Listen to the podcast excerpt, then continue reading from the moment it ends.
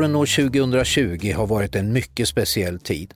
Vi kommer att minnas och prata om den länge. Coronapandemin gjorde att vi tvingades ställa om. Mycket kommer att inte bli sig likt efter den här tiden. Annat kommer att bli nästan som vanligt. Almedalsveckan ställdes in och partiledarnas tillfälle att hålla ett sommartal i Visby inför en månghövdad publik försvann. Men behovet av ledarskap är lika stort som någonsin. Så varför inte lyssna på några företagsledares tankar och idéer i en föränderlig tid? Jag heter Göran Hägglund. Årets Almedalspratare är fem företagsledare som berättar om samhällsutmaningar, innovativa lösningar och engagemang. Ledarskap är alltid av betydelse, men inte minst i omtumlande tider, som nu. I det här programmet får vi lyssna till Olav From som är nordisk VD för läkemedelsföretaget Chiesi. Det är ett italienskt familjeföretag. Han kommer att berätta den fantastiska historien om företagets starka koppling till Sverige genom Tore Kurstedt och Bengt Robertsson. De utvecklade ett läkemedel som räddat livet på över en halv miljon spädbarn. Ola From kommer också att beskriva hur hållbarhet är en ledstjärna för företaget. Programmet kommer också att handla om betydelsen av innovationer, om kulturskillnader och hur meningsfullt det är att arbeta i ett företag som bokstavligen dagligen räddar liv. Här är Ola From.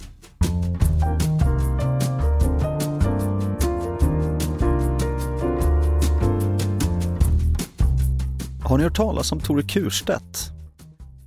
Inte det. Han borde vara berömd. Tore ligger bakom en behandling som har räddat livet på en miljon nyfödda barn och ytterligare fyra miljoner barn har behandlats och fått minskad risk för livslånga handikapp. Jag heter Olav From och jag är nordisk VD för läkemedelsföretaget Kesi. Det är en oerhörd tur att vi lever i en tid där medellivslängden är 82 år. På 1700-talet så var medellivslängden 37 år. På 30-talet så var det 64 år i Sverige. Och läkemedel och medicinsk utrustning räddar liv och är en stor anledning till att den här medellivslängden har ökat. Det är otroligt givande att arbeta med någonting som är så viktigt. Och flera av de innovationer som räddar liv är dessutom svenska.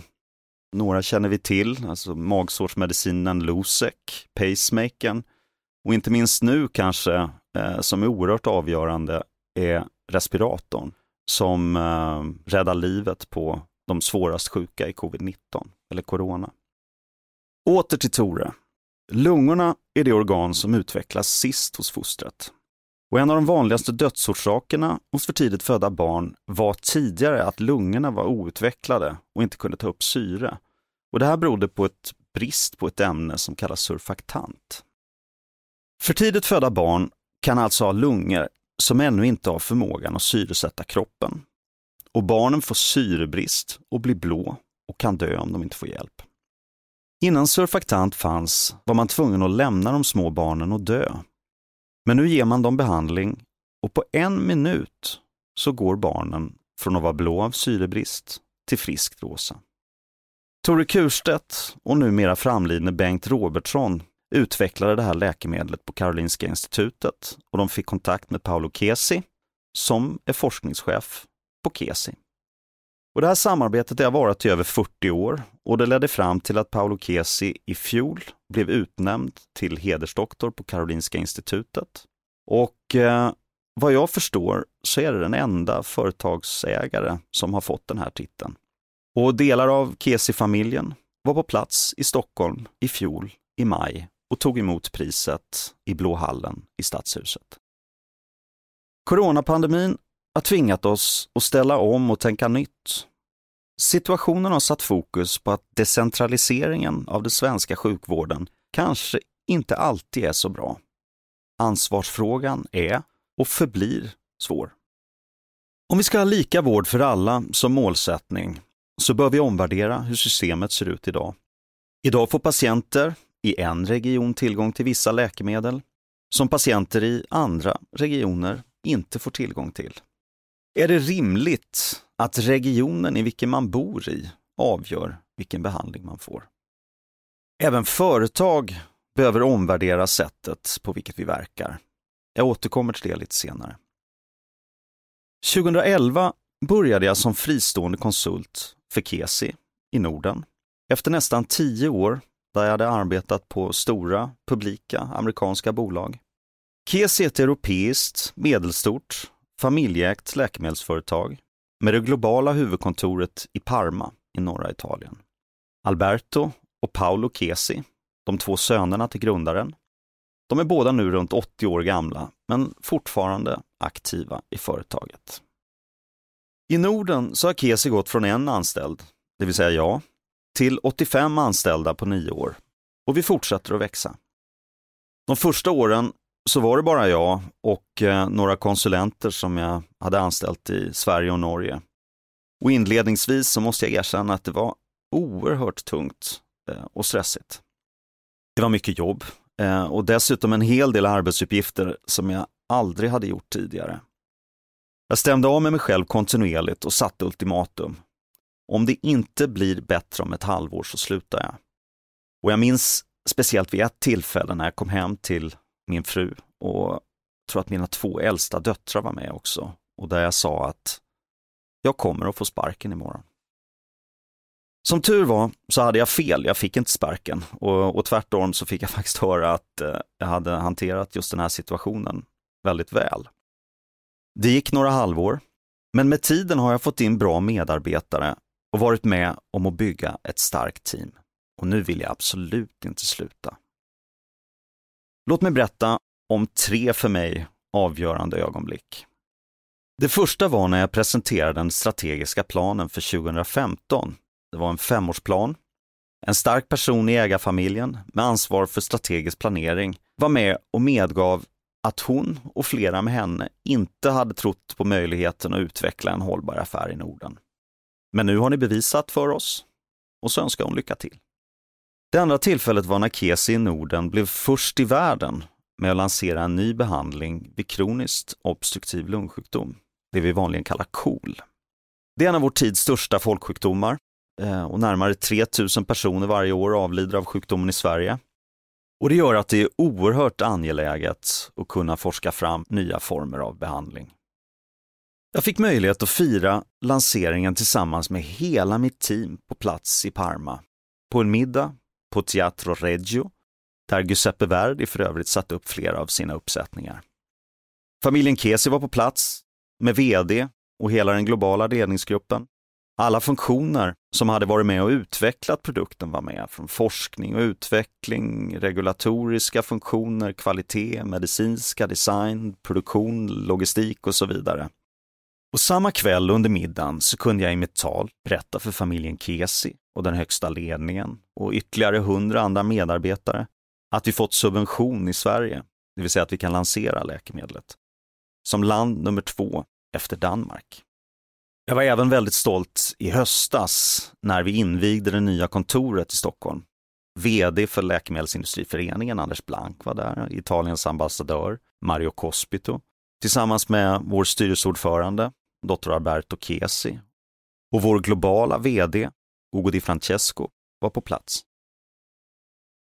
År 2014 så bildades det nordiska företaget och leda en växande verksamhet i fem länder med fem språk och fem olika kulturer, det har definitivt sina sidor.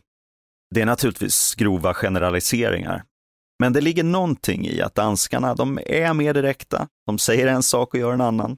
Norrmännen generellt så jobbar de lite mindre. Finländarna är tysta och eftertänksamma. Och svenskarna är konflikträdda. Men det här spelar ingen roll. Vi har gemensamt skapat ett oerhört starkt team. Men det kommer definitivt inte av sig själv. Det har krävts ett oerhört hårt arbete, svåra förhandlingar både internt och externt. Jag har anställt hundra personer, eh, några har sagt upp sig. Och sammanlagt, om man slår ihop tiden, så har jag suttit i intervjuer i ett kvartal. Det här är en av de faktorerna som har bidragit till att det har blivit många sömnlösa nätter. Att jobba med Italien är naturligtvis också annorlunda.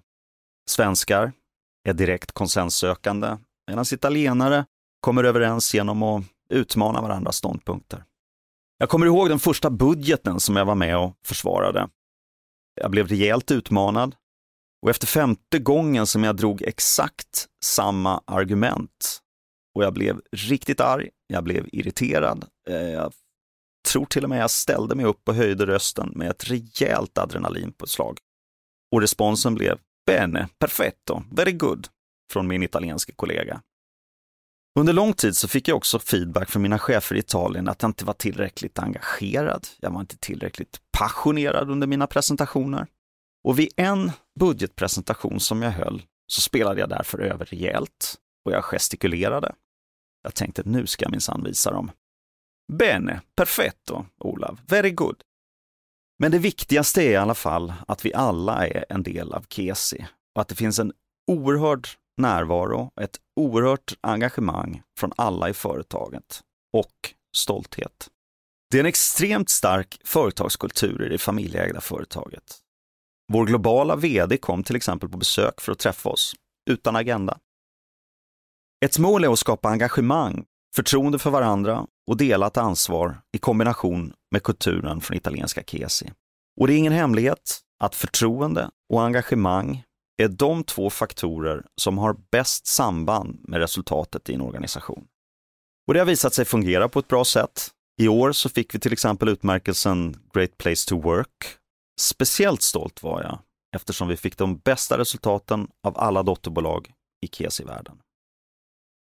Jag kommer tillbaka till coronapandemin. Det som händer nu är en extremt stor omvälvning och här har hela läkemedelsindustrin en oerhört viktig roll att spela. Bland annat genom att till exempel utveckla vaccin. Kesis huvudkontor det ligger i Parma i norra Italien, där krisen slog oerhört hårt. En av mina medarbetare, Ville Perele, som gick från att vara medicinsk rådgivare i Finland, i Norden, till det globala teamet till huvudkontoret i Parma. Efter ett par dagar efter att han hade kommit ner så stängdes hela landet ner och Ville fick, precis som vi andra, jobba hemifrån. Men tack vare moderna digitala verktyg så funkade även det här. Italien var det första landet som drabbades i Europa och det var en fruktansvärd chock för hela det italienska samhället. I vissa delar av Italien, bland annat där Kesi ligger, så försvann i stort sett en hel generation. Samtidigt så har sammanhållningen och viljan att hjälpa till i Italien varit enorm. Vi som har mycket kontakt med vården måste också ställa om till en hel del fler digitala kontakter. Att vi som bransch har en unik möjlighet att ställa om till ett än mer hållbart företagande. Alla större beslut som vi fattar på Kesi ska ha FNs Agenda 2030, det vill säga de globala hållbarhetsmålen i beaktande. Hur gör vi det? Vi är ett så kallat B Corp-företag och det här innebär att vi inte bara ska tjäna pengar till ägarna, utan vi ska även bidra till planeten och faktiskt till mänskligheten. Jag återkommer till vad det här innebär och varför vi valde just den här vägen. Som företag ska vi fokusera på vad vi är bra på. Och vid alla beslut ska vi se till att vi maximerar nyttan. För vår del så handlar det om att göra det bästa vi kan för patienter. Trots extremt stor efterfrågan på läkemedel, framförallt inom andningsvägar under den här pandemin, så har vi lyckats leverera utan att lagren har tagit slut. Stora delar av personal har självklart inte kunnat träffa hälso och sjukvårdspersonal och flera av de aktiviteter som vi har planerat har blivit inställda. Vi måste använda företagande som en hållbar kraft i samhället. Man pratar om shared values, delade värden, till skillnad från välgörenhet där vi kan bidra med det vi är bra på. Men i krissituationer kan vi hjälpa till med konkreta stöd till andra organisationer. På kort sikt så har vi i Norden kunnat bidra med en halv miljon kronor till Röda Korset som har gjort och fortfarande gör ett oerhört viktigt arbete med att koordinera volontärarbete. Och ett nära exempel för mig är att de hjälper till att handla och komma ut med mat till min 80-årige styvfar i Eslöv som bor ensam. Och dessutom så har min kollega Nina Härne med ansvar för forskning och utveckling tagit ett initiativ och donera 320 000 kronor till Karolinska institutet tillsammans med Knut och Alice Wallenbergs stiftelse. Pengarna går till ett forskningsprojekt för att utveckla en metod så att man kan genomföra tester på covid-19-patienter.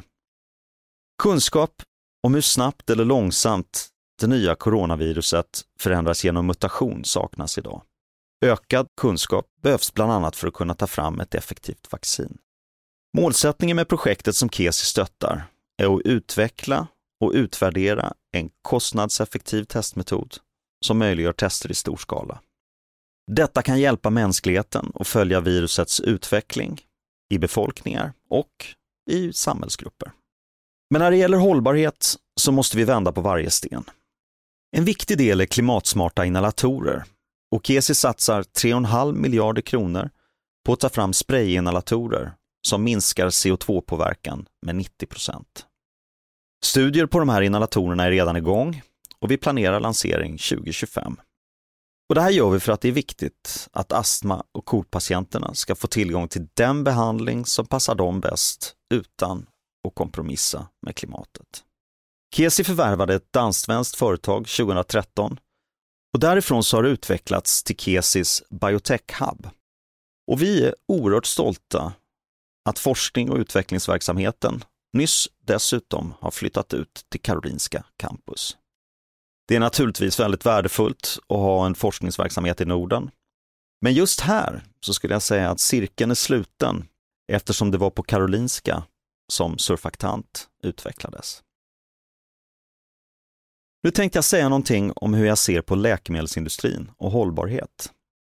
Det stämmer antagligen att läkemedelsindustrin ligger lite efter en del andra branscher. KES är det största läkemedelsföretaget som har en B Corp-certifiering och vi ser hållbarhet som en integrerad del i hela vår verksamhet. Men varför valde då Kesi att satsa tid och pengar på att bli ett Bicorp-företag och använda företaget som en god kraft som skapar värde för alla? Det är en ambitiös extern certifiering som är vanligare i USA, men hoppas jag kommer bli allt vanligare i Norden också. B Corp-certifieringen tilldelas av Bilab, som är en ideell organisation som verkar för en världsomspännande sammanslutning av människor som använder sina verksamheter som en kraft för positiv förändring i världen. Det är den enda certifiering där ett företags fullständiga sociala och miljömässiga resultat mäts. De här certifierade b företagen de bildar en global sammanslutning av företag som använder vinster och tillväxt för att skapa ett gynnsamt slutresultat med en hållbar ekonomi för alla.